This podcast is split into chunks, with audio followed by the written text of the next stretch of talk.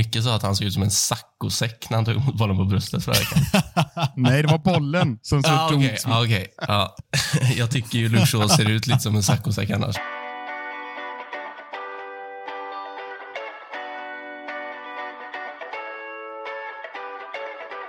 Can Manchester United score? They always score. Rooney! Oh, wonderful! It's Berbatov! Marcus Rashford! Oh, glorious! That is a special one!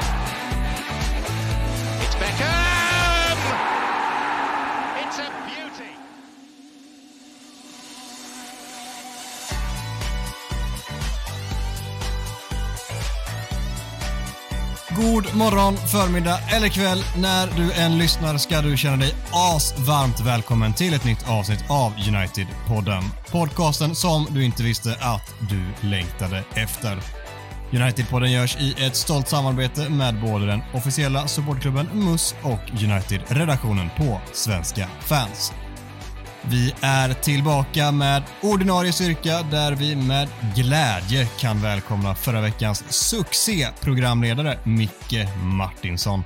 Har du hämtat dig efter alla hyllningar där ute? Nej, det har jag faktiskt inte. Tack, tack för en jättefin intro Adam. Jag, ehm, ja, men det känns stort faktiskt att få axla din mantel här i din frånvaro. Eh, ja, jag, blir ju, jag blir nästan lite rörd när jag får beröm från dig, för du är en förebild här för mig i de här sammanhangen Adam. Det ska du veta. Och, eh, du var saknad och Ma- Mackan eh, han darrade lite innan, men sen bar han mig fram. Eh, så jag, jag skulle säga tacka Mackan för succén helt enkelt.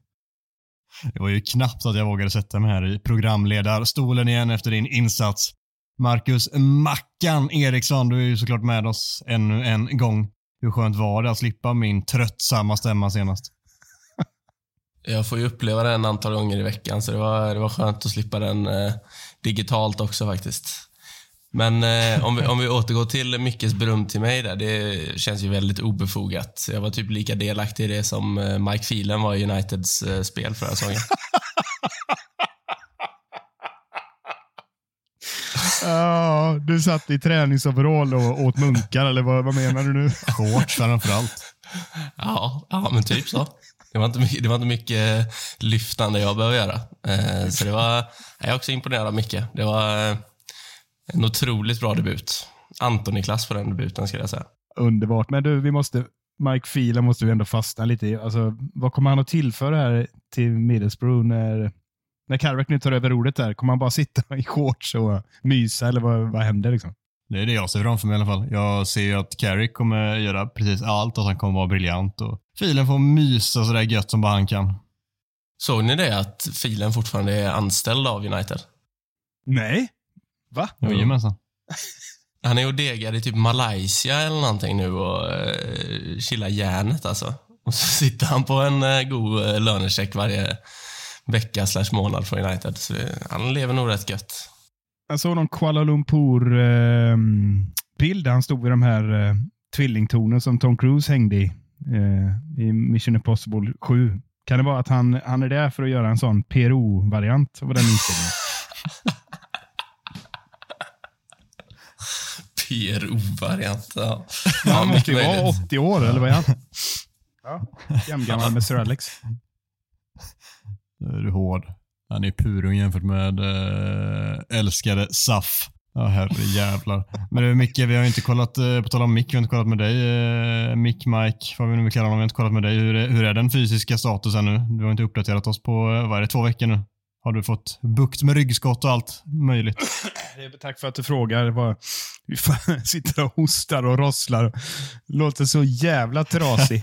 som en trasig moped. Nej, men jag var faktiskt uppe i morse och körde ett pass här vid, vid eh, 06.30-draget. eh, Så jag är oförskämt Satan. pigg just nu.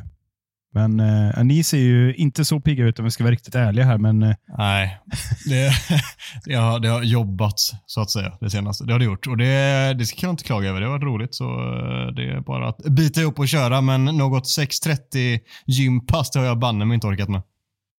Alltså, jag, jag, är så långt ifrån ett gympass 06.30 så eh, jag vet inte vad. Alltså. Jag, det är inte, finns inte min vildaste fantasi att gå upp runt 05-strecket för att ta mig till gymmet. Alltså det, nej, det kommer aldrig hända. Så starkt, Micke. Tack. Manchester United kommer från en kanonvecka med först demoleringen av Spurs till 2-0 och sen den sena kvitteringen på ett normalt sett väldigt svårspelat Stamford Bridge. Och vi ska i vanlig ordning inleda, som sig bör, med att bedöma spelarinsatserna via veckans macka. Kul! Eftersom det går bra nu för United och det är kul att kolla på dem så börjar vi i den positiva ändan, tycker jag. Och eh, lyfter väl målskytten direkt som vår bästa spelare, Casemiro. Tycker att han är självklar i stort sett eh, alla aktioner han gör just nu. Eh, både när han fyller på offensivt och när han eh, städar på det defensiva mittfältet och fördelar boll eh, som eh, han har gjort i hela sin karriär. Så jag, jag, tycker att han är... Nej, det är sån hög klass på honom just nu. Så eh, enligt mig var han eh, Uniteds bästa spelare. Klart. Det är en otroligt hög nivå nu. Alltså det är rätt intressant att se att han lufsar liksom igång. Briljant eh, incoachad av Ten Hag, får vi ändå säga också. För det var, det var på något sätt, tycker jag, Spurs var bra och sen har han varit bra innan också, men det, det var någon slags ny nivå vi såg här nu. Och jag tror att han triggades av motståndet också. Att Chelsea har ett starkt lag. Det var liksom det var eh, otroligt bra motstånd där på det där mittfältet, får man ändå säga. Jag, jag tycker det var en helt ny nivå. Och sen det är klart att det slår över lite, kulminerar här på det där målet, men eh, nej, det, är, det är nästan löjligt bra nivå.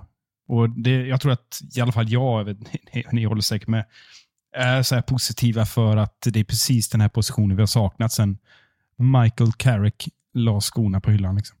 Ja, du, du säger att han triggas och jag tror att han triggas av att få vara den, vad ska man säga, den den så extremt viktiga spelaren på mittfältet. Det är fokusspelaren på ett sätt som bara knyter samman hela laget. Han har fått en sån jävla viktig roll i det här laget och där har han eh, bara, men han har bara bröstat den. Han har gjort precis det han ska i den rollen. Och eh, med, sin, eh, med sina erfarenheter, med sin kvalitet i ryggen, med allt vad han har varit med om så är han ju fullkom, alltså fullkomligt briljant i den rollen. Det, det älskar man att se och sättet han firar målet på är ju svårt att inte ta till sig med eh, glädjeruset och gorillaboxningarna på bröstet. och Ten Hag som hyllar upp honom och ja, men vi värvade honom för att han skulle gå upp och skalla in några, säger han i, i postmatchintervjun. Och det, jag vet inte hur många mål han gjorde för Real, men sådär värst många var det väl inte. Jag är lite överraskad av hans, eh, av hans offensiva genombrottskraft. Eh, och inte, inte bara för det här målet, utan Fan, han har kommit till ett gäng avslutslägen och tagit avslut och fullföljer liksom anfallen från sin djupa mittfältsposition. Det är jag lite överraskad över, måste jag säga. Kan vi bara uppmana folk en gång för alla. Jag tror vi försökte det, men det kändes som att det, det är många som har haft svårt för det. Att bara låta folk, nya spelare, få lite tid. Det, det började gnisslas på folk liksom så fort han inte startade fyra första matcherna och gjorde ett par inhopp och inte såg helt eh, fullkomligt putsad ut i alla aktioner. Då skruvades det på sig och folk skulle eh, ställa frågor. Är det, är det ytterligare ett felförvärv och eh, liksom var detta verkligen en Hags gubbe? Det han ju knappt, alltså säsongen han ju knappt sparka igång och nu är han helt tokgiven och brutalt bra. Enig. Ja, ja bra sammanfattat Adam. Ja, vi, vi var inne på att det skulle vara någon typ av situation där efter att han inte hade startat som folk byggde upp i sina fantasier. Så det, det är kul att han, eh, att han visar vilken eh, hög nivå han besitter. Och, eh, nej, ruskigt bra. Ja, jag tänker jag hoppar till andra platsen här. fanns ju också en hel del eh, konkurrenter här. Eh, jag valde mellan de två ytterbackarna som jag tycker båda gör eh, ruskiga insatser. Eh, men jag, jag väljer ändå Luke Shaw här. Jag, jag tycker att han kan se så eh, självklar ut som han gör den här matchen. Eh, alltså han, han löser ju typ alla situationer också. Jag tycker att han tekniskt sett är jäkligt underskattad. Alltså. Han, eh, det är många gånger han kommer under press mot Chelsea och han, han, han, löser det på något sätt. Det kanske inte alltid ser så jävla graciöst ut när han har bollen. Micke sa att han såg ut som en saccosäck när han tog emot bollen på bröstet förra veckan. Nej, det var bollen som såg ah, okay, ah, okay, ja. Uh, jag tycker ju Luke Shaw ser ut lite som en saccosäck annars, men han, han löser de här situationerna och inlägget till Casemiro är, ja, det är riktigt bra inlägg. Eh, ja, nej, men jag, jag, tycker att han, eh, jag tycker att han överlag gör en eh, nästintill felfri insats han också. Så eh, ja, jag väljer Luke Shaw.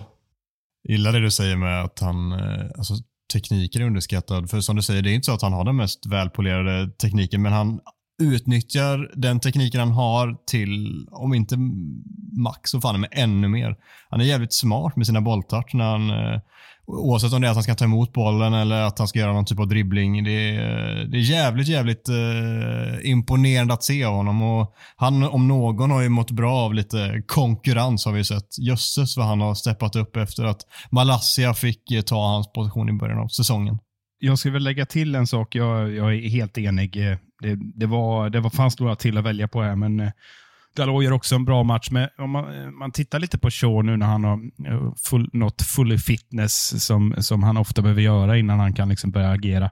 Så, ehm, så kan man ju klaga lite. Han kommer inte på så mycket överlapp. Ja, men fast United spelar ju inte så nu under den här utan han har ju ofta en lite holding-roll. Eh, holding midf midfield-roll. Liksom. Han har hittat en position eh, när han kliver upp lite jämsides med Casemiro och bryter extremt många anfall och så är han ju så otroligt stark, eh, Sakosek eller ej, men han, eh, den sidan, lite, lite grisig sida liksom. Han, eh, det känns som att han han är inte så jävla gammal, men det känns som att han redan har börjat anta en liten rutinerad spelarroll i det där laget. Och eh, just, just det spelet är underskattat. Framförallt mot Chelsea ser man hur viktigt det är. Han, han gör några sådana här riktigt fula, eh, slår undan bollen. Eh, det är någon knuff här och var. Är där och skaver. Han måste nog vara jävligt jobbig att möta, för det är svårt att flytta på honom, helt klart. Så jag, tycker det, jag håller med om inläggsspelet, det har han i sig. En tre, fyra sådana inlägg varje år. Perfekta. Eh, men, men just det där andra, det där, det där osynliga spelet, lite åt Casemiro-hållet, det tycker jag han tillför enormt mycket till det laget.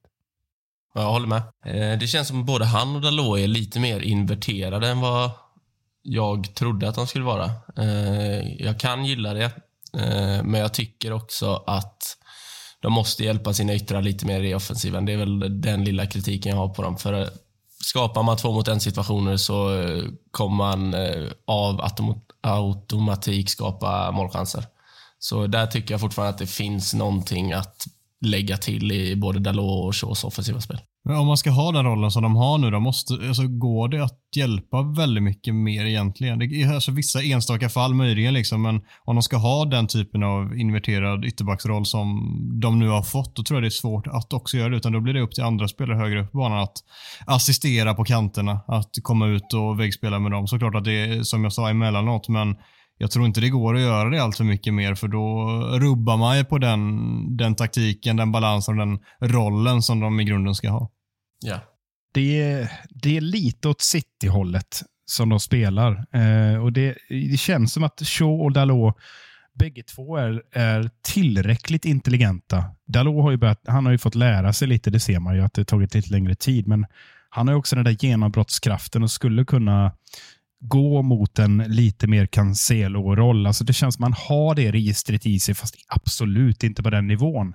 Medan Shaw är mer en annan typ av, eh, av eh, vänsterback som skulle kunna spela. Jag, jag, ser honom som en mittback framåt. Eh, det är inte alls omöjligt att han skulle kunna eh, ta en sån roll eller på något sätt, för han är så pass spelintelligent och bör ha liksom rutin.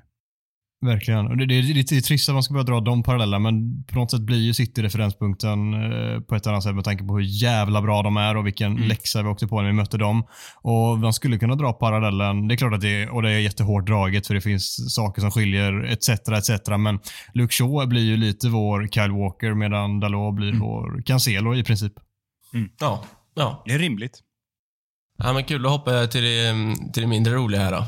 Jag, jag, tycker att eh, det är svårt att välja någon annan än eh, Scott McTominay på punkten eh, han behöver höja sig. Jag, jag, tycker att kommer du in i ett toppmöte med knappa kvarten kvar, då får du inte, alltså oavsett vad som händer, då får du inte dra på dig en straff på en hörna.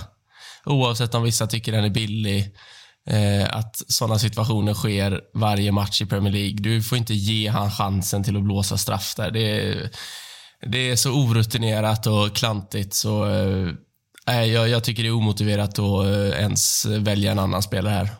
Så McTominay, höj dig. Ett öppet mål eh, du spelar in här tycker jag ändå. Alltså, jag försvarar inte den aktionen. Öppna mål ska konstigt. också spelas in. Men hur jävla, många, hur jävla många gånger har man inte sett exakt det där på hörnor? Visst, nu blir det väldigt tydligt då och så hade förmodligen Casemiro nickat bort den ändå. Men äh, ja, jo, det är klart att han ska höja sig och inte, inte dra på sig en straff i 87. Men Sanchos formsvacka tycker jag fortfarande är väldigt djup. Alltså. Det, det är inte mycket som kommer därifrån. Eh, så, ah, men det, har vi redan, det, det, var vi på redan förra, förra avsnittet. Så. I konkurrens då med McTominay tycker jag Sancho bör närmast nä, nämnas. Mm. Av de som startar så är ju Sancho den som är sämst, tycker jag. Även om jag tycker att han är något bättre mot Chelsea mot Tottenham till exempel. Men det är ju fortfarande en bra bit ifrån önskvärd nivå. Det, jag, skulle, jag, jag håller med. Eh, det är, det är Sancho som konkurrerar, men som du säger där Micke, sådana situationer händer ofta, men McTominay är så opolerad i hur han gör det. Liksom. Det syns ju från mars att han drar honom. Du, du får ju vara lite smart då. Du får ju liksom eh, försöka dölja det. Och kanske släppa typ åtta sekunder tidigare. Han håller ja. så jävla länge. Det, så man märker att han börjar ramla. Släpp då för fan, men då fortsätter ja. han ju dras lite igenom. Då är det omöjligt att inte ta den straffen när det väl har blåst. Nej, det är en jävla gris också. Bro, uh, broja, eller man säger inte brocha för han är inte spanjor. Broja. Han är ju, det är ju riktigt bäst ändå, så att det finns ju att ta i där på något sätt. Jo, men vad fan. Så kan du inte göra alltså. Så, uh, Nej, det är klantigt. Så jag såg, det var ju massa som bara, det är inte straff, sådana händer hela tiden. Jo, jo, jo, men bollen är också precis där. Det är, det är svårt för domaren att kolla någon annanstans. Liksom. eh, så, eh, ja, nej. nej. Jag tycker det att var... det är straff. Det, det, det är klumpigt och den kan vara åt det mildare hållet, men det är straff. Ja, jag håller med. Jag håller med. Vad hade Mourinho sagt om den straffen? Soft penalty. Hade han sagt det? var det lite Bojan Djordjic-röst eh, när du skulle prata om Mourinho? Ja. Ja, det var en usel... Eh... Ja, det är en soft penalty. I prefer not to speak. Uh. Jag, kan, jag kan inte den. Det finns de som är bättre. Men det, ja, det, tar sig inte det hade han ju skalan. gått i taket. Och Klopp hade sagt att eh, varummet satt på Mars, tror jag. Ja, Nej, jag tycker fortfarande det är straff. Så eh, vi släpper den situationen nu, tycker jag. Okej då. Ja, om vi ska prata lite matchen i sig då. Det finns väl en hel del att grabba tag i. Om vi börjar med spelet i sig så är jag jävligt imponerad över hur United åker till Stamford Bridge som typ historiskt senaste 10 åren, 15 kanske till och med, varit den svåraste bortaarenan för oss. Och vi åker dit och i första halvlek, framförallt fram till att Potter väljer att göra ett byte och formationsskifte så är vi väldigt, väldigt bra och spelar snudd på ut Chelsea på Stamford Bridge. Efter det så är det jämnare, men vi är fortfarande bra och eh, det tycker jag verkligen ska lyftas. Ja, verkligen. Och det, det var roligt att se eh, United fortsätta på den inslagna vägen på något sätt. Och, och det modet, eh, mycket, mycket beroende på det vi pratar om, en trygghet att att Casemiro och, och så mittbackarna bakom vinner bollen väldigt, väldigt ofta. Eh, och Det gör att laget kan vara lite mer framåtlutat. Det tycker jag är en, en sak. Och sen eh, Antoni tycker jag var väldigt bra i, eh, i spelet med boll. Eh, hans bästa match tycker jag. Vi, vi nämnde inte honom förut. Så det, var, det var mycket det, att vi, vi lyckades skapa mycket genom att vända snabbt. Och Sen tror jag Chelsea var lite överraskade att vi, att vi var så starka på mittfältet. Så att det var en klar, att vi skulle fått in något mål där. Givetvis i det övertaget. För, för Chelsea hade inte en chans, tycker jag, första, första halvtimmen. Nej, nej vi, vi faller tillbaka på... Eh, likt Tottenham var det inte några sådana jättechanser där jag tycker man kan säga där ska det vara. Jo, det är Rashfords första. Men Anthony måste ju göra mål där. Alltså oavsett om eh, oavsett om han är jättevänsterfotad så måste det vara ett mål. För det är, han, har, han har liksom öppet mål i första hörnet. Det är bara att sätta dit en bredsida så är det mål.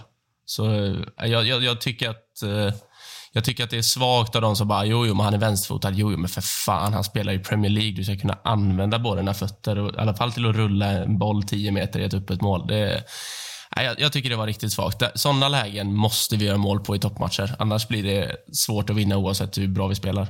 Strömberg sa ju något jävligt gött för en gång skulle Han sa att eh, det ser verkligen ut som att han skjuter med stödjebenet och det var verkligen så. Det fanns ingen känsla på något sätt när han svingade till den bollen med högertassen. Det, det fanns som natt och dag den eh, vänstern och högerkroken som han sitter inne på.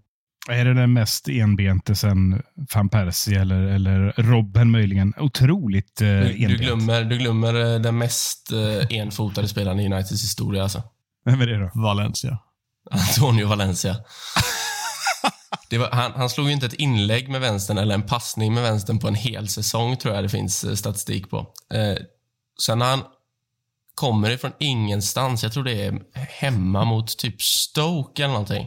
Och han bara ja, drar till med vänstern i bortre kryss från ingenstans. Så, det är lite som eh, Fred. Lite oväntat så. Lite ja, men... oväntat. Han hade ju inte nuddat bollen med vänsterfoten i United-karriären och så skickade han in den i krysset.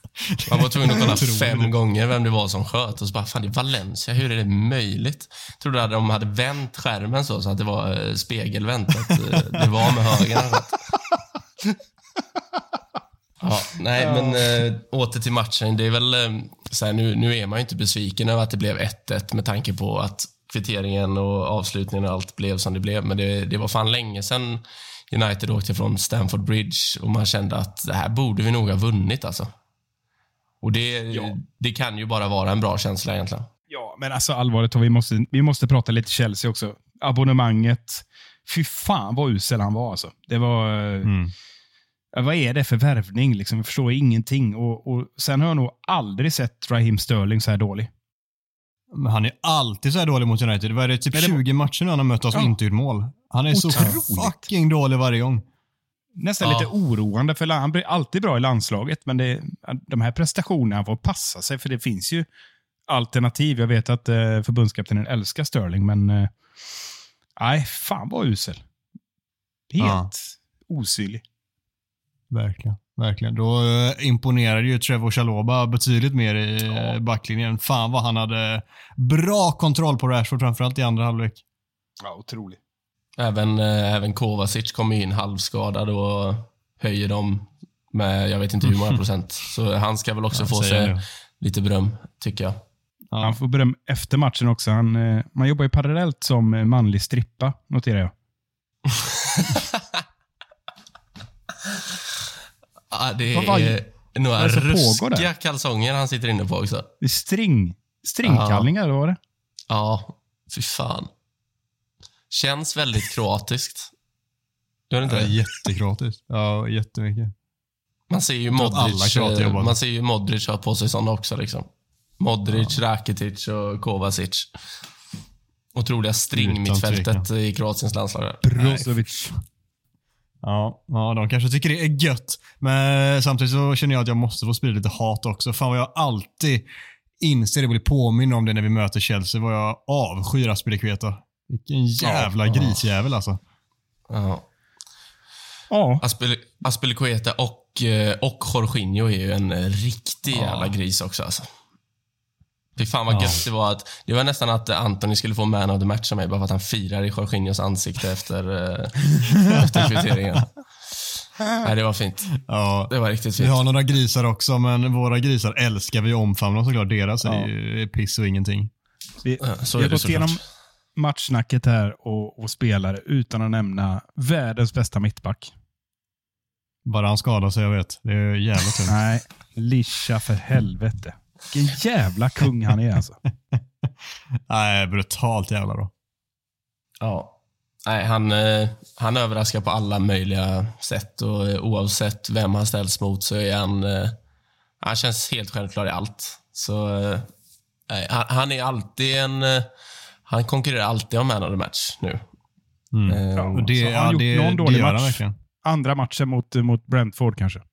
Ja. ja. ja, ja. Men uh, hörni, vilket brutalt stort problem hans längd har blivit. Ja, det är ju synd det där. Ja. Kan vi inte prata om det lite? Hur mycket mål vi släpper in på inlägg som han inte når upp till för att han är för kort.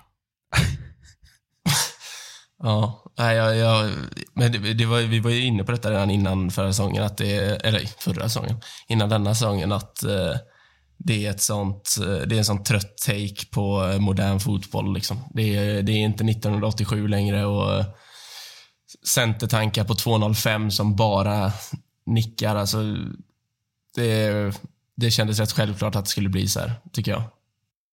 Ja, alltså verkligen. Verkligen. Vad är det för Är det Piers Morgan eller vilka är liksom de topp tre mest hjärndöda? Det känns som att de måste ta upp den då varje gång. Nu, nu kollar jag ju blandat. Ibland kollar jag via Play, ibland kollar jag Sky. Men eh, alltså, mm. måste man ta upp det här varje match? Ja, han är alltså riktigt, riktigt bra på huvudet trots att han är 05, säger Glenn. Alltså, alltså vad är det för jävla järn? Alltså, de, har, de måste ristat i en jävla runsten att de måste ta upp det varje match. Fan pågår. Så det, det, var, det började, eller började väl, gjorde det väl kanske inte, men det, jag, alltså jag gillar ju Jamie Carragher ofta. Eh, tycker jag att han har mycket rätt i vad han säger, men det är väl han som har drivit det här. Han har väl sagt det i studios och han har även skrivit ja. eh, han har även skrivit spalter i typ Daily Mail om det. Liksom. Så eh, där, är, där är han ju drivande, att man kan inte vara så kort och spela mittback. Eh, sen Graham Souness har väl säkert sagt det också. Det hade, han är ju fan den dummaste människan på planeten. Så han har säkert sagt det ett antal gånger också. Ja, men Jamie Carragher kunde ju spela fotboll utan att... Han har liksom eh, ja, tre vänsterfötter. Han lyckas ja, spela fotboll. Utan snabbhet och teknik. Det är, det är imponerande. Ja, nej, han är otrolig, Lisandro Martinez. Vi har pratat om straffen. Jag tycker ändå att vi ska nämna kvitteringen en sista gång och gått oss lite grann i den, för det är ett fan precis inlägg men nicken, herre jösses vilken kvalitet det är av Casemiro. Han lyckas böja kroppen för att få en perfekt båge som Kepa bara når lite, lite grann. Och så är bollen sådär retligt inne typ en halv millimeter. Fan vad fint det är. Ja, det är fint. Och så de här, man älskar de här konspirationsteorierna som, ja, det är ingen som har sett det här Golden Line Technology-fotot. nej, okej. Okay den var inne, slappna av. Men Casemiros eh, tuffaste uppgift där var ju att hantera McTominay som kom, eller Scotty, to Scotty's McMassive som han numera heter. Kommer bakom och, nä och är nära att fördärva där också. Såg ni det? Ja. Ja, då, då hade han ju inte fått spela en minut mer alltså. Det, Nej, men, ja, men jag är mest imponerad över att han lyckas få den bollbanan på den, som du säger Adam. Hur, hur han anpassar kroppen efter inlägget på något eh, sätt. Och sen, sen alltså att Kepa nästan räddar den är ju, det är ju helt sjukt. Alltså, hade han räddat den, så du är ju uppe där och snuddar på årets räddning redan nu. Liksom. Så, eh, nej, det var eh, nej, otroligt. Jag, jag hade räknat bort en poäng efter straffen, så det är kul att se ett Manchester United som verkligen aldrig ger upp. Som, eh, mm. som detta är ett bevis på. Magiskt. Suck C-segmentet Talk of the Town är tillbaka med fem stycken påståenden med aktuella ämnen som vi helt enkelt diskuterar huruvida det är sant eller inte. Veckans första lyder så här. Victor Lindelöf blir den som rakt av ersätter Rafael Varan i elvan. Och vi snuddade på det lite kort där. Varan eh, skadade sig. Det såg ut att vara typ något i knätrakten och han lämnade planen med tårar mot Chelsea. I efterhand så verkar det som att det är någon typ av lättare baksida lårskada som gör att han antagligen är tillbaka till VM men inte för United innan dess. Så det är väl bara böna och be att han klarar av det här mästerskapet då och sen är tillbaka i United efteråt, vilket fan är en eh, ruskig högoddsare. Men men, vi håller tummarna. Micke, vad är din take på detta? Blir det Lindelöf som ersätter honom rakt av i elvan? Ja, först måste man ju bara fundera lite grann kring, eh, ja, jag har inte läst de här uppgifterna om vad det var för typ av skada, för det var ju, känns som att det kunde vara allt. Eh, foten, knät, eh, jag vet inte, halsen. Ja, det känns som att det kunde vara vilken skada som helst. Där. Det var lite svårt att se i själva situationen vad det är han gör egentligen. Eh, lyckas på något sätt hamna fel i, i ja, det var den mest onaturliga eh, kroppsställning jag sett. Men ja, jag kan bara hålla med. Vi får hoppas att han är tillbaka så fort som möjligt, men det är ju ingen jätteskräll att han hittar ett sätt att skada sig.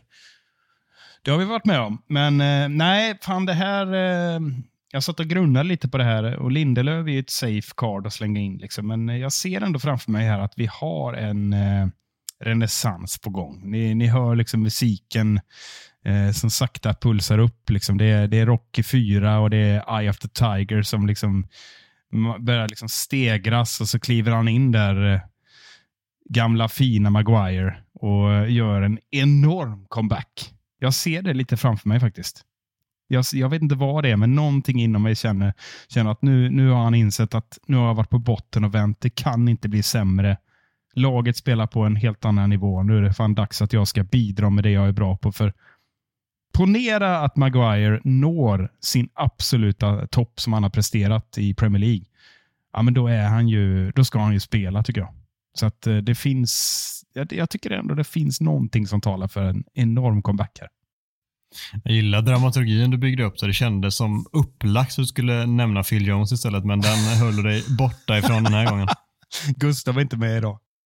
Nej, han är ju inte det. Nej, men för att återgå till, eh, till frågan eller eh, påståendet så Ja, eh, jag har ju sagt det innan. Jag tycker verkligen att Maguire är bättre än Lindelöf när man pratar om deras toppar. Men om vi ska vara helt ärliga så är det ju en jämnhet och en, en topp som vi inte sett på Maguire på evigheter sen. Jag, jag hoppas att du har rätt för vi mår bra och bra spelare. Självklart. Men jag vet inte fan om det är han som ska in och göra det. För det är Dels har han inte spelat på länge nu och dels så har Lindelöf gjort det, bra är fan att ta i, men emellanåt bra och emellanåt okej. Okay. Någonstans däremellan landar väl i.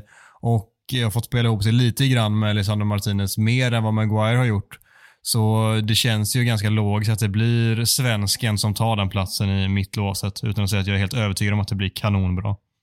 Men jag, jag, tycker inte det här är någon diskussion egentligen. Jag, jag tycker att det är så fullständigt givet så, som det bara går att bli. Harry Maguire ska inte vara i närheten av en startelva. Jag, jag tycker Ditt inte djupa hat alltså. Ja, men han är så fruktansvärt dålig, så jag tycker verkligen inte det.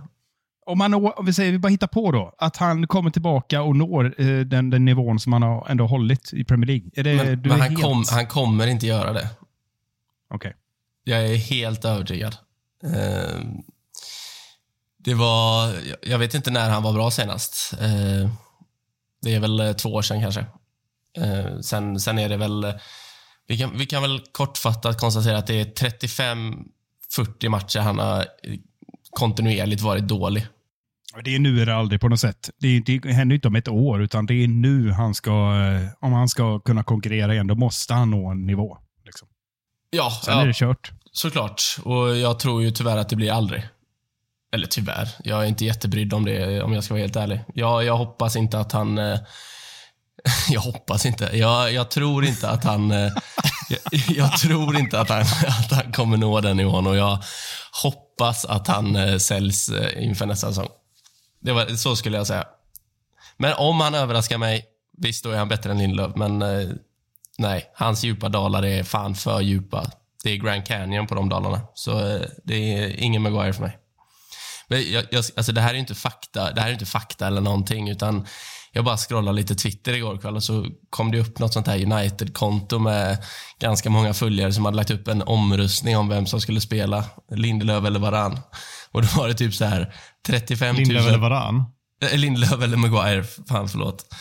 Det var typ 35 000 röster. Eh, 92-8 till eh, Lindelöf. det är det jag menar, Eye of the Tiger. Ingen tror på honom. Det är dags att motbevisa nu. Ja, det hade, det hade ju varit eh, den bästa comebacken någonsin. Typ, av en engelsk mittback i alla fall. Så, eh, Motivation kan ju inte saknas, tänker jag. Nej, men har hans pannben och skalle för det? Han känns som att han har ju, om någon, vikt ner sig när det har gått motigt. Och när det väl gick bra så kunde han fan med behålla det ganska länge, men så fort det gick eh, utför så har han ju inte visat någonstans när han klarar av det. Men jag, alltså, jag håller ju med dig mycket att så här, fan i bästa av världar så lyckas han ju göra det och då är han ju en bättre mittback. Men det, det ska jävligt mycket till. Det, det ska också till att uh, han, han, ska ju inte spela på sin topp. Han ska ju inte starta i Manchester United även om han är på sin topp. För Varan och Martinez är ju fortfarande bra mycket ja, bättre. Ja. Ja, ja, herregud. Ja, Nu- givetvis. Ja. Nu menar jag att Varann känner, går inte att lita på. Det har vi ju sett tyvärr. Men, så- eh, men det är klart, det skadar ju inte en situation att, vi, vi, att Lindelöf och Maguire skulle nå liksom en, en, sin nivå. Att de kan att de kan spela Europa League eller ligacupen och det märks inte. Liksom. Det skulle behövas att ha fyra mittbackar så man kan slappna av lite någon jävla gång. För att vi vet ju att Varann kommer förmodligen inte att spela eh, alla matcher. Det kommer han inte göra nu såklart, men även när han är tillbaka. Liksom. Nej, därav skulle det inte förvåna mig alls om vi plockar in, eh, ja, kanske egentligen att både Lindelöf och Maguire lämnar nästa sommar och att det plockas in både en och två mittbackar. Vi får väl se, men ni har hört vart vi ligger här. Det är lite spridda skurar minst sagt. Roy Keane har fullständigt tappat det. det, det, det är gött att bara stanna med det påståendet. Nu får du, får du fira av knallpulverpistolen Mackan. Det är, det är väl ingen diskussion här heller egentligen. Det finns väl inget som tyder på att han inte har gjort det. Han hittar liksom, han hittar negativa vinklar i allt. När, när, när United är bra mot Tottenham, då firar de för mycket för att de vann. Eh, när de är dåliga, då är de eh, för lite besvikna. Eh, när de spelar bra utan Ronaldo, då saknar de Ronaldo. När Ronaldo spelar och är dålig, då är det klubbens fel. Jag, jag vet inte vad han håller på med alltså. Det, på riktigt, det, det börjar bli komiskt hur jävla dum i huvudet han har varit de senaste veckorna. Vad håller han på med? Ja, det är så jävla kul det här faktiskt. För det, det är något så, jag vet inte, det är något, det är något korståg som är... Det är precis som att eh, han, han är ju lite lustig då, för han läser ju inte av opinionen. Han skiter i opinionen, det får man ju ändå ge honom. Om jag ska ge honom någonting, att han, han, han sitter och pratar i tio år om character. Det är det enda han har pratat om. Och nu har vi fan med karaktär i laget. Vi har Martinez, vi har Casemiro, vi har McTominay sen innan. Det är karaktär i honom. Anthony, Bruno. Bruno. Alltså vi har, halva laget är ju, Dalot firar allting och då är det fel. Så att, det- är ju rätt spännande att se, som du säger, att han lyckas hitta, hitta en egen vinkel. Eh, och det här med Ronaldo, om man ska stanna där, det jag, vet, jag, jag börjar nästan tro att det är någon personlig koppling. Att det är liksom det sista nostalgiska, nostalgiska halmstrået som man har att hålla sig kvar. Lite Tourettes kring det nästan. Att det, det är precis som att han, han håller på att bli irrelevant i sin koppling till United. Det är nästan, jag börjar nästan väva in något sånt, att han inte har något in, någon ingång längre. Jag vet inte. Han, han verkar ha gjort sig omöjlig på något sätt. Det känns ju så med tanke på att han svingar så vilt. Så jag börjar nästan tro att det det handlar om, det sitter hos honom själv snarare än att än någonting annat. Eller så är det återigen Ronaldos PR-team som är i farten och lyckats stoppa en liten slant i fickan till Roy Keane som eh, kanske har gått på knäna ekonomiskt, vad fan vet jag, för det här är ju helt ofattbart hur han kan tycka och tänka det, för det, det kan han ju inte göra.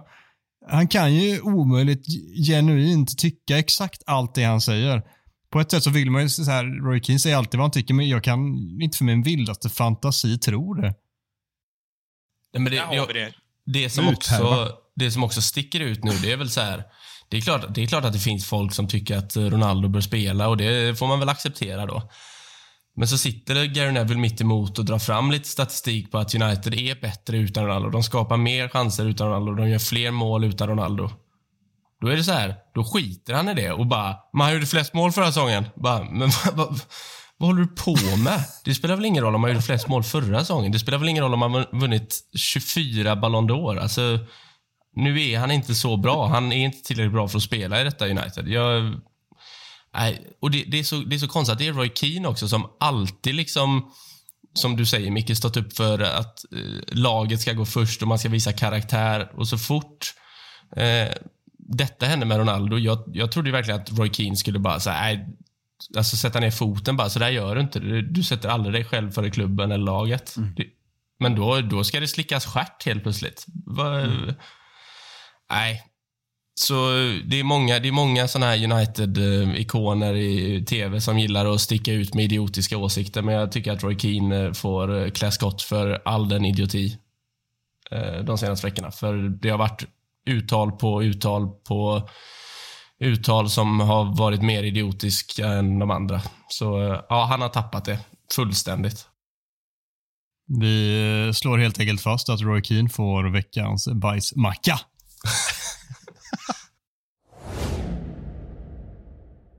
Bristen på speltid för ungdomarna oroar. Den här eh, läste jag först idag, nu på morgonen när vi spelar in detta.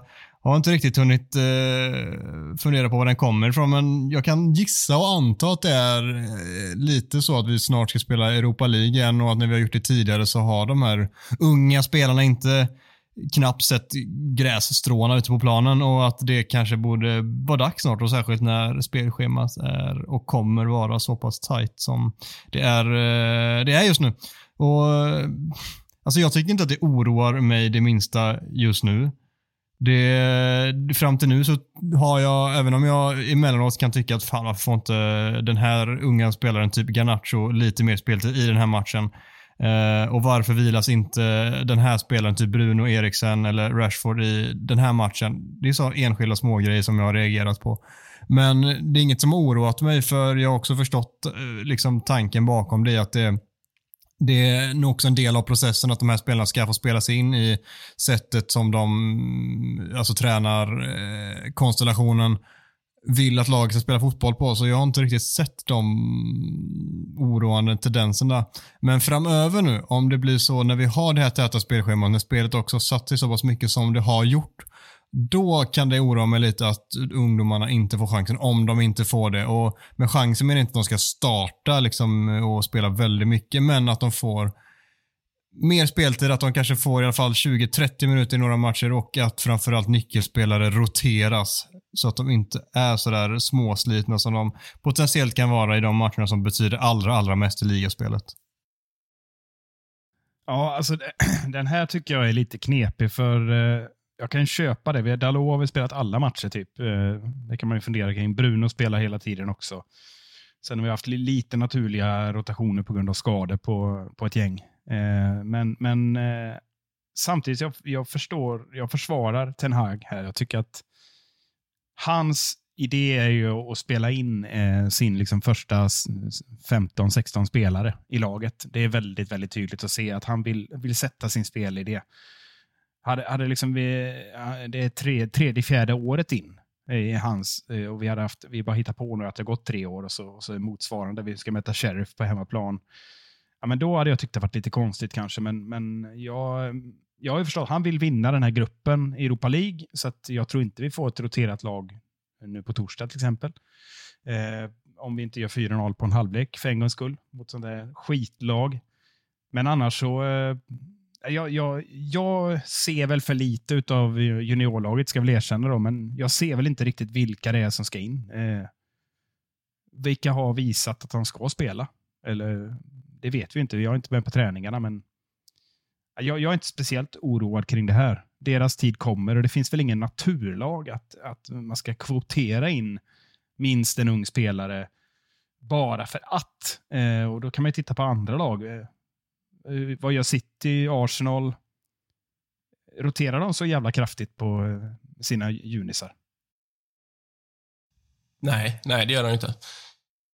Jag är väl lite inne på Adams spår också. Jag tycker väl inte att det är ett egentligt problem och det är väl inget som oroar mig så, men jag, jag tycker att det har funnits möjligheter där till exempel eh, en Garnacho ska ha fått chansen.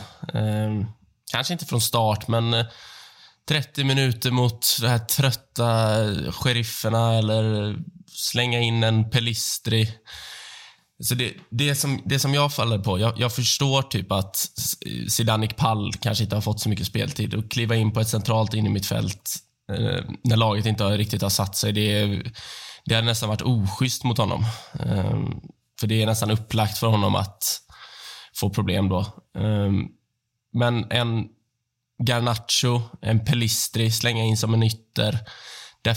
Det är inte lika utsatt. Liksom. Det är in och gör din grej, lite. Eh, och jag tycker, alltså, typ, vi är inne på det, Sancho har inte levererat som väntat. Eh, vi har haft eh, stora skadeproblem och annat i offensiven. Då, då, tycker jag i alla fall att de ska ha fått några minuter var. Eh, och tycker väl egentligen att det, det, det, kan jag tycka är lite konstigt att till exempel Garnacho inte har spelat en minut än. Um, så det är väl det jag tycker, så här, för det har ändå funnits möjligheter till det. När vi har offensiva unga spelare på bänken så är det lite så här, ja, går det bra så går det bra, går det inte bra så, så går det inte bra. Vi förlorar inte jättemycket på det eftersom våra ordinarie kantspelare producerar inte. Så jag, jag tycker att det är märkligt att inte Framförallt att Garnacho inte har fått någon speltid, för han spelade mot Rayo i den sista matchen inför säsongen och var väl bäst på plan. Um, så jag tycker, jag tycker att han borde ha haft fem inhopp nu, faktiskt. Så det tycker jag, det tycker jag är konstigt. Ja, det, kan jag, det kan jag faktiskt hålla med om. Jag håller med. Elanga känns lite före i kön och han är inte imponerat i år direkt. Han är ju, men det känns som att det är han som ska in härnäst. Han lär väl starta på torsdag gissar jag, men ja, där håller jag faktiskt med dig. Ganache borde ha fått lite mer tid. Det, det är väl den enda spelaren som jag har sett och sett den höjden i. Sen, sen i övrigt vet, vet jag inte riktigt vem som skulle ha spelat. Nej, det, det, ska ju också sägas att vi, vi saknar ju bredd på många positioner med tanke på alla skador. Du var inne på det, Dalot har spelat samtliga minuter, men Wan-Bissaka har ju varit skadad. Uh, Van de Beek har varit skadad. Uh, Brandon Williams vet jag inte vad han har gjort. Toan Sebe vet jag inte heller vad han har gjort. Uh, så det finns ju inte så mycket alternativ på en del positioner. Uh, men frågan i sig oroar väl inte, men jag tycker att det är konstigt att framförallt Garnacho inte har fått någon chans. En ny anfallare är vad som saknas för att United ska ta nästa steg spelmässigt. Micke, vad har du för het hot take på detta? Ja, nej men det är väl det, är väl det vi pratar om det, eller vi har ju pratat om det här med tanke på Ronaldo-situationen och att Martial eh, är skadad, så den är ju högaktuell den här, naturligtvis. Så eh, det, det, jag tycker det är rätt starkt av United och, eh, och trots givna bottenappen Brentford City tar bort det. Liksom det är 3-10 målskillnad. Det är det som sabbat den här inledningen. Annars, annars hade vi nog hyllat United i stort. Men det är ändå rätt starkt med tanke på att vi har haft strul eh, där uppe. Och Det tyder ändå på att det, det, känns ju bra i magen, som du brukar säga Mackan. Att, eh, att det finns ett enorm potential om vi skulle lösa den här situationen. Om man säger så. Att plocka in ett, en januarivärvning, det vore ju naturligtvis mumma. Men eh, känslan är just nu att det inte kommer att ske.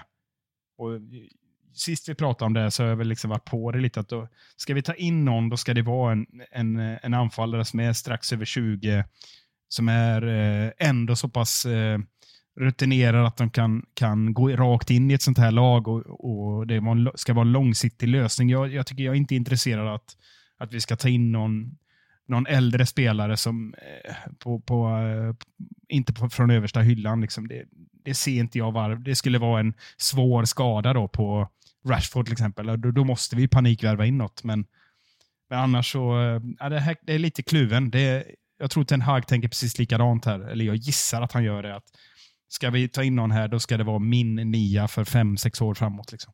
Och det har inte jag ett namn just nu. Jag är hemskt ledsen. Jag har inget att plocka fram ur äh, rockärmen. Tycker du att det, oavsett, tycker du att det är en anfallare som är det som är eh, huvudprio för att laget spelmässigt ska kunna ta nästa steg? Vi har ju pratat om de Gea och hans situation så senast förra avsnittet. Och det är klart att eh, när man ser en sån som Kepa gör kanonmatch här, det, att roffa åt sig honom vore inte jättedumt kanske.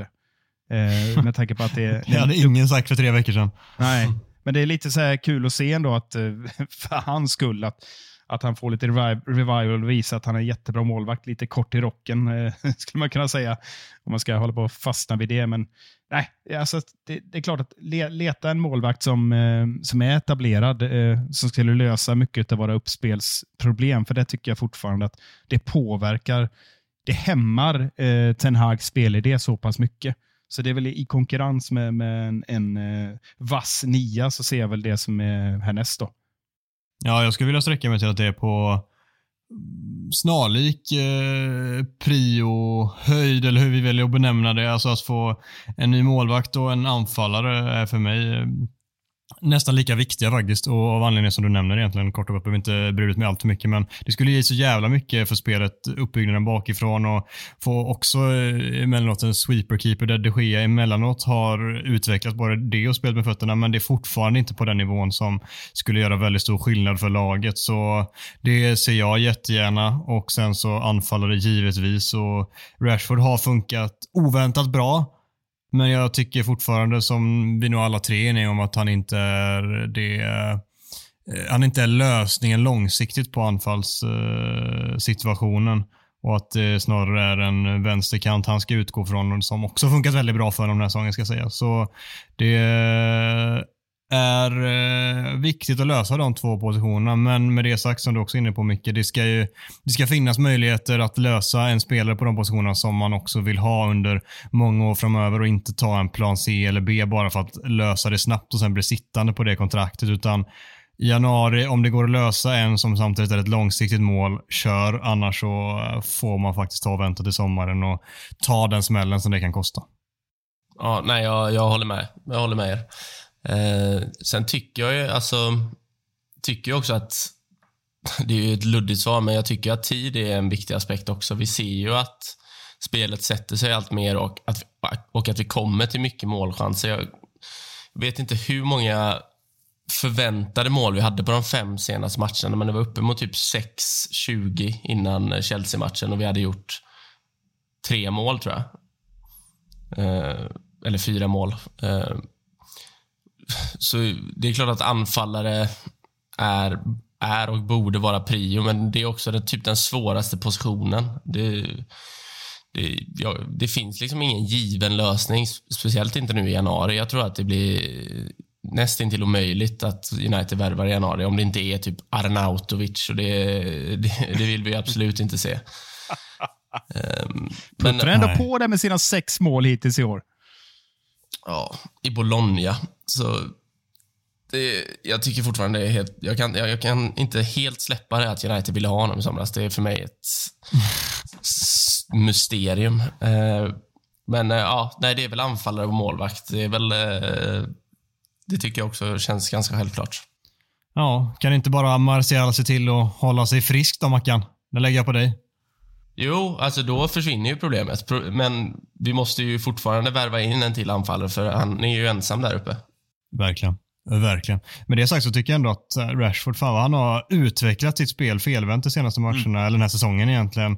Han, eh, och det tror jag också väldigt mycket, för, för hans del är väldigt mycket alltid självförtroende och när självförtroendet finns där så stämmer också väldigt många andra delar i spelet som det inte gör annars. Och, och det syns väldigt tydligt nu att han eh, är betydligt bättre i den, eh, i den aspekten av spelet. Utan att säga att han är felfri så hämmade inte laget, vilket det kunde göra periodvis, till exempel förra säsongen när han spelade anfallare.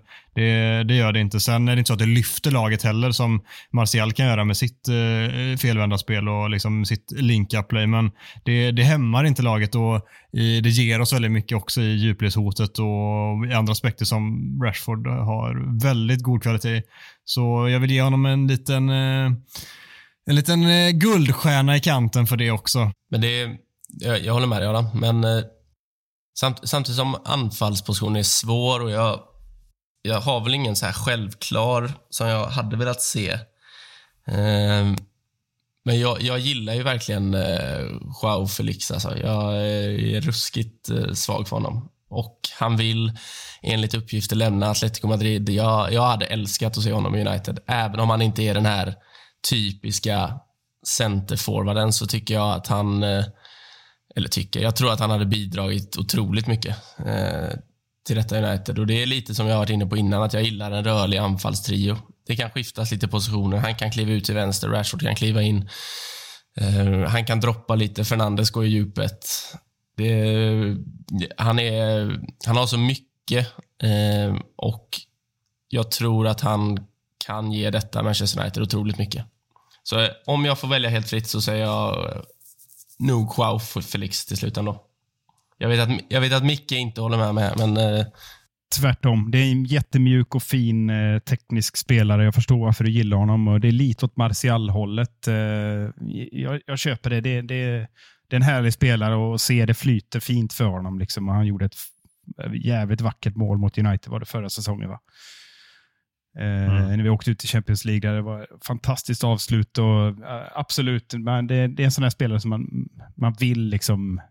Ja, det hade varit härligt med bara sådana. Martial och Felix och Bruno bara liksom springa runt och skarva och klacka och mysa. Liksom. Men äh, jag, jag vill ha något lite råare. Och, eh, jag vill bara säga, du är helt på rätt spår tycker jag Adam. Rashford har ju, ah, han måste ha lagt på sig 4-5 kilo muskler. Alltså, han ser bra mycket bitigare ut och kan vinna dueller på ett annat sätt. Så att han har ju fortfarande, får han det att lossna igen, som vi har pratat om. Han har ju bränt fem, sex chanser nu sista matcherna. Hade han gjort mål på alla dem så hade vi inte suttit haft den här diskussionen nu, tror jag. Rashford är liksom stenklar, hade vi sagt då. Men eh, jag vill ha något lite, lite råare som kompletterar eh, en Martial till exempel eh, som kan spela på en kant lika, lika gärna. Eller, eller en Rashford och Anthony. Eller, för Felix tror jag skulle springa på Bruno för mycket. Det skulle bli rörigt, tror jag. Men, eh, får jag bara kontra där då med, om vi, om vi kollar på eh, dubbelmötet mot Atletico Madrid förra, förra året. Så Joao Felix sysselsätter ju Uniteds backlinje helt själv i 180 minuter och vinner dueller, vinner, alltså vinner en del nickdueller, eh, håller emot både mot Maguire och Lindelöf eller Veran eller vem det var som spelar. Och är dessutom bra på huvudet och farlig i boxen överlag. Så jag tycker ju att även om han inte ser ut som en typisk anfallare så har han ju många egenskaper som en klassisk anfallare. Så jag, han är ju, samtidigt är han väldigt mjuk, väldigt teknisk, väldigt smart, spelskicklig, men han är ju också en bra anfallare med de instinkterna som krävs. Ja, jag får sätta mig och kolla lite atleti här framåt. Eh, Nej, det gör inte det, gör inte det. Gör, gör inte det. inte det. rekommenderas ej. Alltså det är det tråkigaste som finns. Skick, skicka, det, skicka någon jävla compilation med best of med han då till mig så kan jag sitta och kolla på det. Jo, men då, då ser ju också Arnautovic bra ut. Det är det United scoutar ut i sommar. Best of Marco Arnautovic YouTube. Videojuggar. Det- ja. Nej, men jag vill bara flika in det. Jag, jag tycker ni båda kom med eh, vettiga inputs. Jag älskar Joao Felix och den typen av spelare och jag hade inte kunnat tacka nej om vi fick erbjudandet rätt på bordet. Men jag är också av samma åsikt som dig Micke, att jag tror att han hade trampat Bruno lite på tårna, att de hade sökt lite samma ytor lite för ofta och det hade kanske kunnat gå att polera bort och sådär men det, det är någonting jag skulle vilja varna för för Felix är ju som bäst när han söker just de ytorna och det, det är det som Bruno vill figurera och vi har sett hur det kan bli när det blir kaka på kaka också. Det, det kan bli lurigt så jag vill lyfta det varningens fingret i alla fall. Mm. Ni är mer inne på oss i män, liksom. En sån spelare. Jag hade älskat Osimhen också för den delen. Det är lite mer eh, av en, eh, han är sjukt komplett också ska vi säga som anfallare, men lite mer power forward och lite eh, en som bidrar med något annat än det vi har i dagsläget. Så Osimhen hade jag ju absolut inte tackat nej till heller. Det, det beslutet lämnar jag föga förvånande till eh, Erik Ten Hag. Edwin van der Sar kommer vara en del av Uniteds sportsliga ledning nästa säsong. Mackan, ge oss lite background information här då. Nej, men denna, denna punkten är väl med med tanke på att en trovärdig nederländsk journalist sa det i en tv-sändning, om jag inte har uppfattat det helt fel, att Jo. van der Sar var i förhandlingar om att återvända till United och då i rollen som sportchef. Eh, van der Sar har dock själv gått ut och dementerat det här Eh, och sagt att han, eh, att han inte är klar i Ajax än. Eh, och det, det är väl också många som har missförstått hans roll i Ajax, tror jag. Det är, han är ju VD i Ajax, han är inte sportchef. Eh, vilket... Ja, det är ju två helt separata roller. Liksom. Eh, sen tror jag väl att han hade kunnat sköta, sköta sitt jobb som sportchef i United, men eh, Jag, jag har svårt att se det ske ja, inom den närmsta framtiden. Det har blåst rätt mycket i Ajax den senaste tiden- och han känns som en stabil kugge för dem och deras ledning. Så jag, jag tror att han blir kvar i alla fall två, tre år till. Sen en återkomst till United i framtiden utesluter jag inte, men jag tror inte att det kommer gå så snabbt. Men det här är ju rätt intressant. Och, och, alltså, det har blåst i Ajax, säger ni, men jag, jag har lite dålig koll på... De, har väl inte, de är inte lika dominanta i år i holländska ligan, eller? De borde väl leda ändå, känns det som. Ja, det gör de ju. Deras nya tränare Schreuder, Alfred Schreuder heter han, har ju fått en hel del kritik, framförallt också för Champions League-spelet där de blivit totalt utmanövrerade och har harvat lite i ligan också. Men de eh, är ju fortfarande topplag i Eredivisie, så är det ju.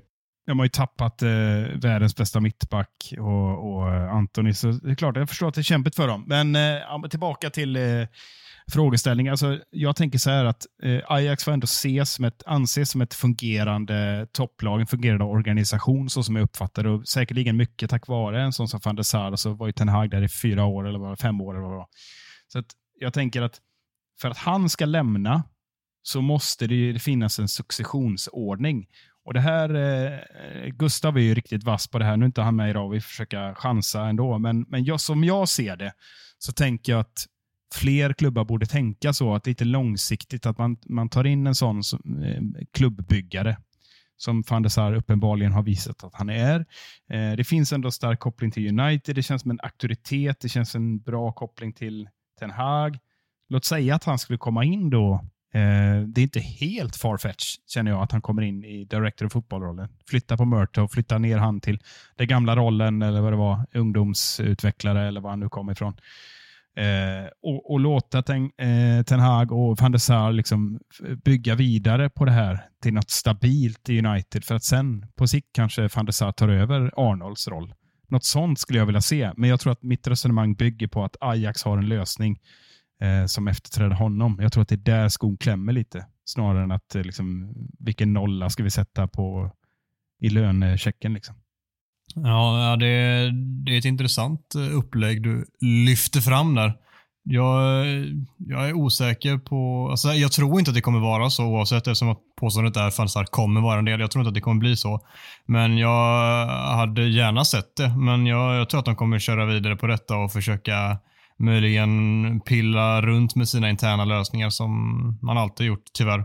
Men det hade varit uppfriskande att få in en van der Sar som du säger erkänt har varit en jävligt imponerande klubbbyggare och dessutom har eh, United-kopplingen och förstår klubben på ett sätt som ändå inte ska eh, underskattas, även om det raljeras lite över att uh, plocka in sådana som kan klubben etc. etc. så ska det samtidigt inte underskattas. Så uh, jag, hade, jag hade gillat det. Jag är dock på Mackans sida, så det en, han har inte varit sportchef i Ajax. Jag, och han ska komma in där och vara sportchef i United. Du behöver ju ett visst kontaktnät och vara jävligt erkänt skicklig på just det jobbet för att sköta det på det sättet som efterfrågas och det är av allra, allra högsta nivå i en klubb som Manchester United. Att då kasta in någon som inte har gjort det innan, det är ju jävligt vanskligt om jag ska vara helt ärlig. Känns ju väldigt Manchester United dock. Hade John Murtaugh ah, gjort det innan då? Hade han det kontaktnätet innan? Frågetecken. Nej, nej, och det, och det har jag väl inte suttit och stöttat heller för den delen. Ja, jag menar, och det är det jag menar. Det, mitt resonemang bygger på, nu är det en långsiktig lösning på gång här, men, men eh, varför måste man hela tiden vänta till allt går åt helvete innan man gör en förändring? Alltså det finns ju någonting att, att bygga vidare på eh, den förändring som United ändå har valt här. Så det, det tänker jag absolut. Forts, fortsätt med John Murtaugh. Jag har ingen aning. Kanske det blir jättebra om tre år. Det, det är kanske mina känslor som vill att jag vill se van der Sar. Jag ser honom som en så här framtida boss som liksom som blir den här eh, dynastin, den nya dynastins liksom, eh, galjonsfigur. Aj, alltså, om det hade hänt mycket, jag vill ju också att något liknande ska hända, men eh, Verkligen. Jag, jag, tror, jag tror bara inte att det kommer hända. Det jag menar med att jag blåst Ajax, de har tappat ett halvt lag. Overmars, soppan från förra året, eh, ny tränare. Eh, så jag, jag, tror att han är väl en av de få liksom, kuggarna där som de kan lita på. Jag tror inte att han vill lämna den klubben när det är lite halvsvajigt.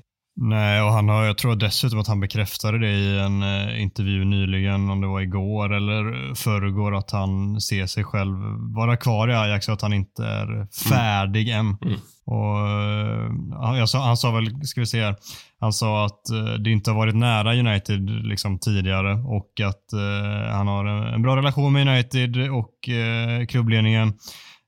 att han hade sex fantastiska år i United men att han inte känner sig färdig i Ajax ännu. Nästa match spelas mot Sherifferna på hemmaplan på torsdag klockan 21. Vi ska inte säga mer än ett par korta ord. Vad säger spåkulan här, Marcus? 3-0. Gött, då går vi vidare. I nästa PL-match väntar West Ham på hemmaplan på söndag klockan 17.15. Här har du en riktigt god motståndarkoll, Micke. Ja, först är jag nyfiken på vad du tycker om 17-15. Vad är det som pågår med de här jävla matchstartstiderna, Adam?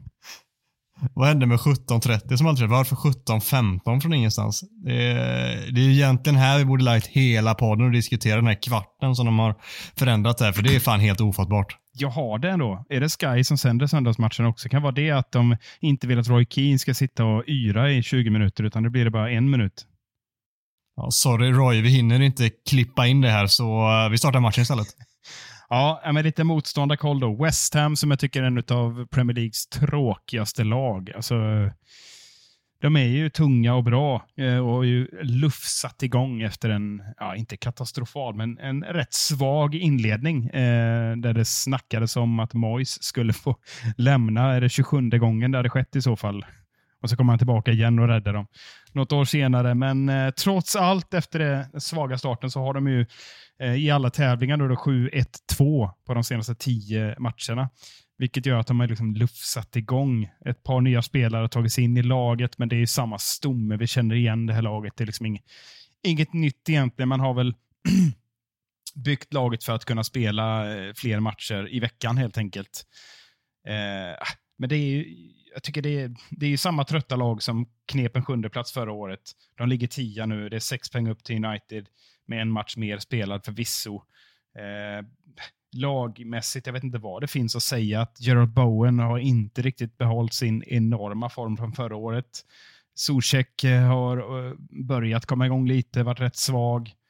Eh, och sen det Skamacha, eller vad han heter, den nya snubben på topp, eh, känns väl spontant lite intressant. Ser ut som en blandning mellan eh, Anthony och eh, Arnautovic. Verkar vara lite så skönt arrogant också, ta lite avslut från 35 meter och borstar av sig det när lagkamraterna stirrar på honom. Eh, det är väl den spelaren som sticker ut i ett rätt jämntrött West Ham som jag ser det. Och, eh, med tanke på att de har kommit igång så vet man att det blir alltid tunga matcher mot de här. Och, men vi har ju å andra sidan lite andra kvaliteter nu som kan matcha eh, Declan Rice och Thomas Zuzek på det där inne mittfältet. Så jag är inte så orolig som jag brukar vara inför West Ham. Du tror att vi vinner alltså? Ja, jag tror faktiskt det. att eh, och Det bygger lite grann på att vi städar av de här sherifferna som Mackan redan har konstaterat. Jag inget att invända mot 3-0. Naturligtvis blir det det. Garnacho får 30 minuter som du har sagt. Allting blir som vi vill och så får vi spara våra nyckelspelare eh, som kommer fulltankade inför söndagen och så städar vi av ett West Ham. Det ser jag framför mig just nu. Mm. Hur ser du på det, Mackan? Är det, är det så glasklart som Micke säger? Ja, men jag tycker ändå det. Jag, jag delar också meningen om att West Ham är fan ruskigt tråkiga det är ett tråkigt lag. Det är en väldigt fin fotbollsklubb, men det är ett väldigt tråkigt fotbollslag de har byggt. Ehm, så ja, jag tror också på seger, men det blir inte, det blir ingen målkalas. Blir det, inte. det blir ju 1-0 eller möjligtvis 2-0. Ehm, men vinst blir det. Fan vad skönt att höra. Ser vi någon eh, särskild förändring i elvan gentemot eh, Spurs och Kanske framförallt då Chelsea-matchen. Vad, vad tror du vi får se? Blir det samma mittfält med Eriksen, Casemiro, Bruno och så samma offensiva trea? Tony är tillbaka, så eh, kliver rakt in i anfallet ja. Och så ut med Rashford på vänsterkanten och så Anthony på höger. Och så Lindelöf då i mittförsvaret. Du ser att Martial är tillbaka utan att vi ens har fått någon form av information ja, men, jag, du bara, bara har den insiden. Jag fick det till mig. Ja, fan vad gött att höra. Gött. Det är förmodligen bekräftat att han är out uh, resten av året innan den här podden släpps, men uh, Mackan har slått fast detta och det är ju bara att omfamna. Mackan, vad vinner vi här? Du säger 3-0 mot uh, Sherifferna. Du säger att vi ska vinna mot West Ham, men vad vinner vi med? Uh, nej, men som sagt, målsnålt. Uh, men jag, jag tror fan vi gör två. 2-0. Och Micke säger? Ja, men jag, jag var inne på att säga 2-0, men jag vill inte säga samma. Så jag säger att United vinner med 3-1. Eh, vi, vi, släpper in ett mål. Men det känns som att, ja, det, jag har bara en känsla av att vi kommer att eh, eh, få dit ett par bollar rätt tidigt så vi slipper det här, den här jobbiga känslan av att vi inte förvaltar våra chanser. Så eh, Jag har sagt det några veckor i rad, men det, Rashford får nog fasen in minst en boll, säger jag. Mm. Kul. Jag är så här tråkigt safe och säger att vi vinner med 2-1. Det, det blir 1-0, 1-1 och sen så gör vi 2-1 med kvarten kvar och så njuter vi hela vägen in i mål och den här veckan är ytterligare en trepoängare rikare. Och vem avgör? Jaha, det är Rashford såklart. Det behöver du inte fråga mig. Martial ju. Han är ju tillbaka. Micke, du har inte fått skicka någon pik till Gustav den här veckan. Den sedvanliga lilla, lilla piken. Vad vill du hälsa honom den här gången? jag tänkte faktiskt vara snäll den här veckan. Men äh, vi, Gustav äh, är ju som sagt i Nigeria och, och liksom håller på att brodera fram nya brev. Vi har inte fått något brev än. Har ni fått något? Nej. Nej, Nej. inget alls. Nej, men eh, han verkar ha tappat all eh, form av kontakt till tid och rum. Eh, han trodde att han skulle komma tillbaka i morse, men det var så blev det inte. Så eh, ja, men ska vi skramla ihop en liten eh, klocka till Gustav så att han eh, ställer om sig automatiskt? För det verkar vara ett bekymmer för honom. Ja. Det låter bra. Hojta om ni vill vara med där ute i stugorna till att införskaffa Gustavs nya armbandsur. En Breitling.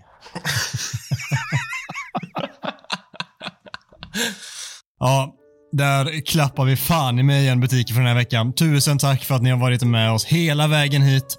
Tack för att ni fortsätter lyssna. Tack för att ni skickar in så mycket intressanta ämnen och förslag till Talk of the Town.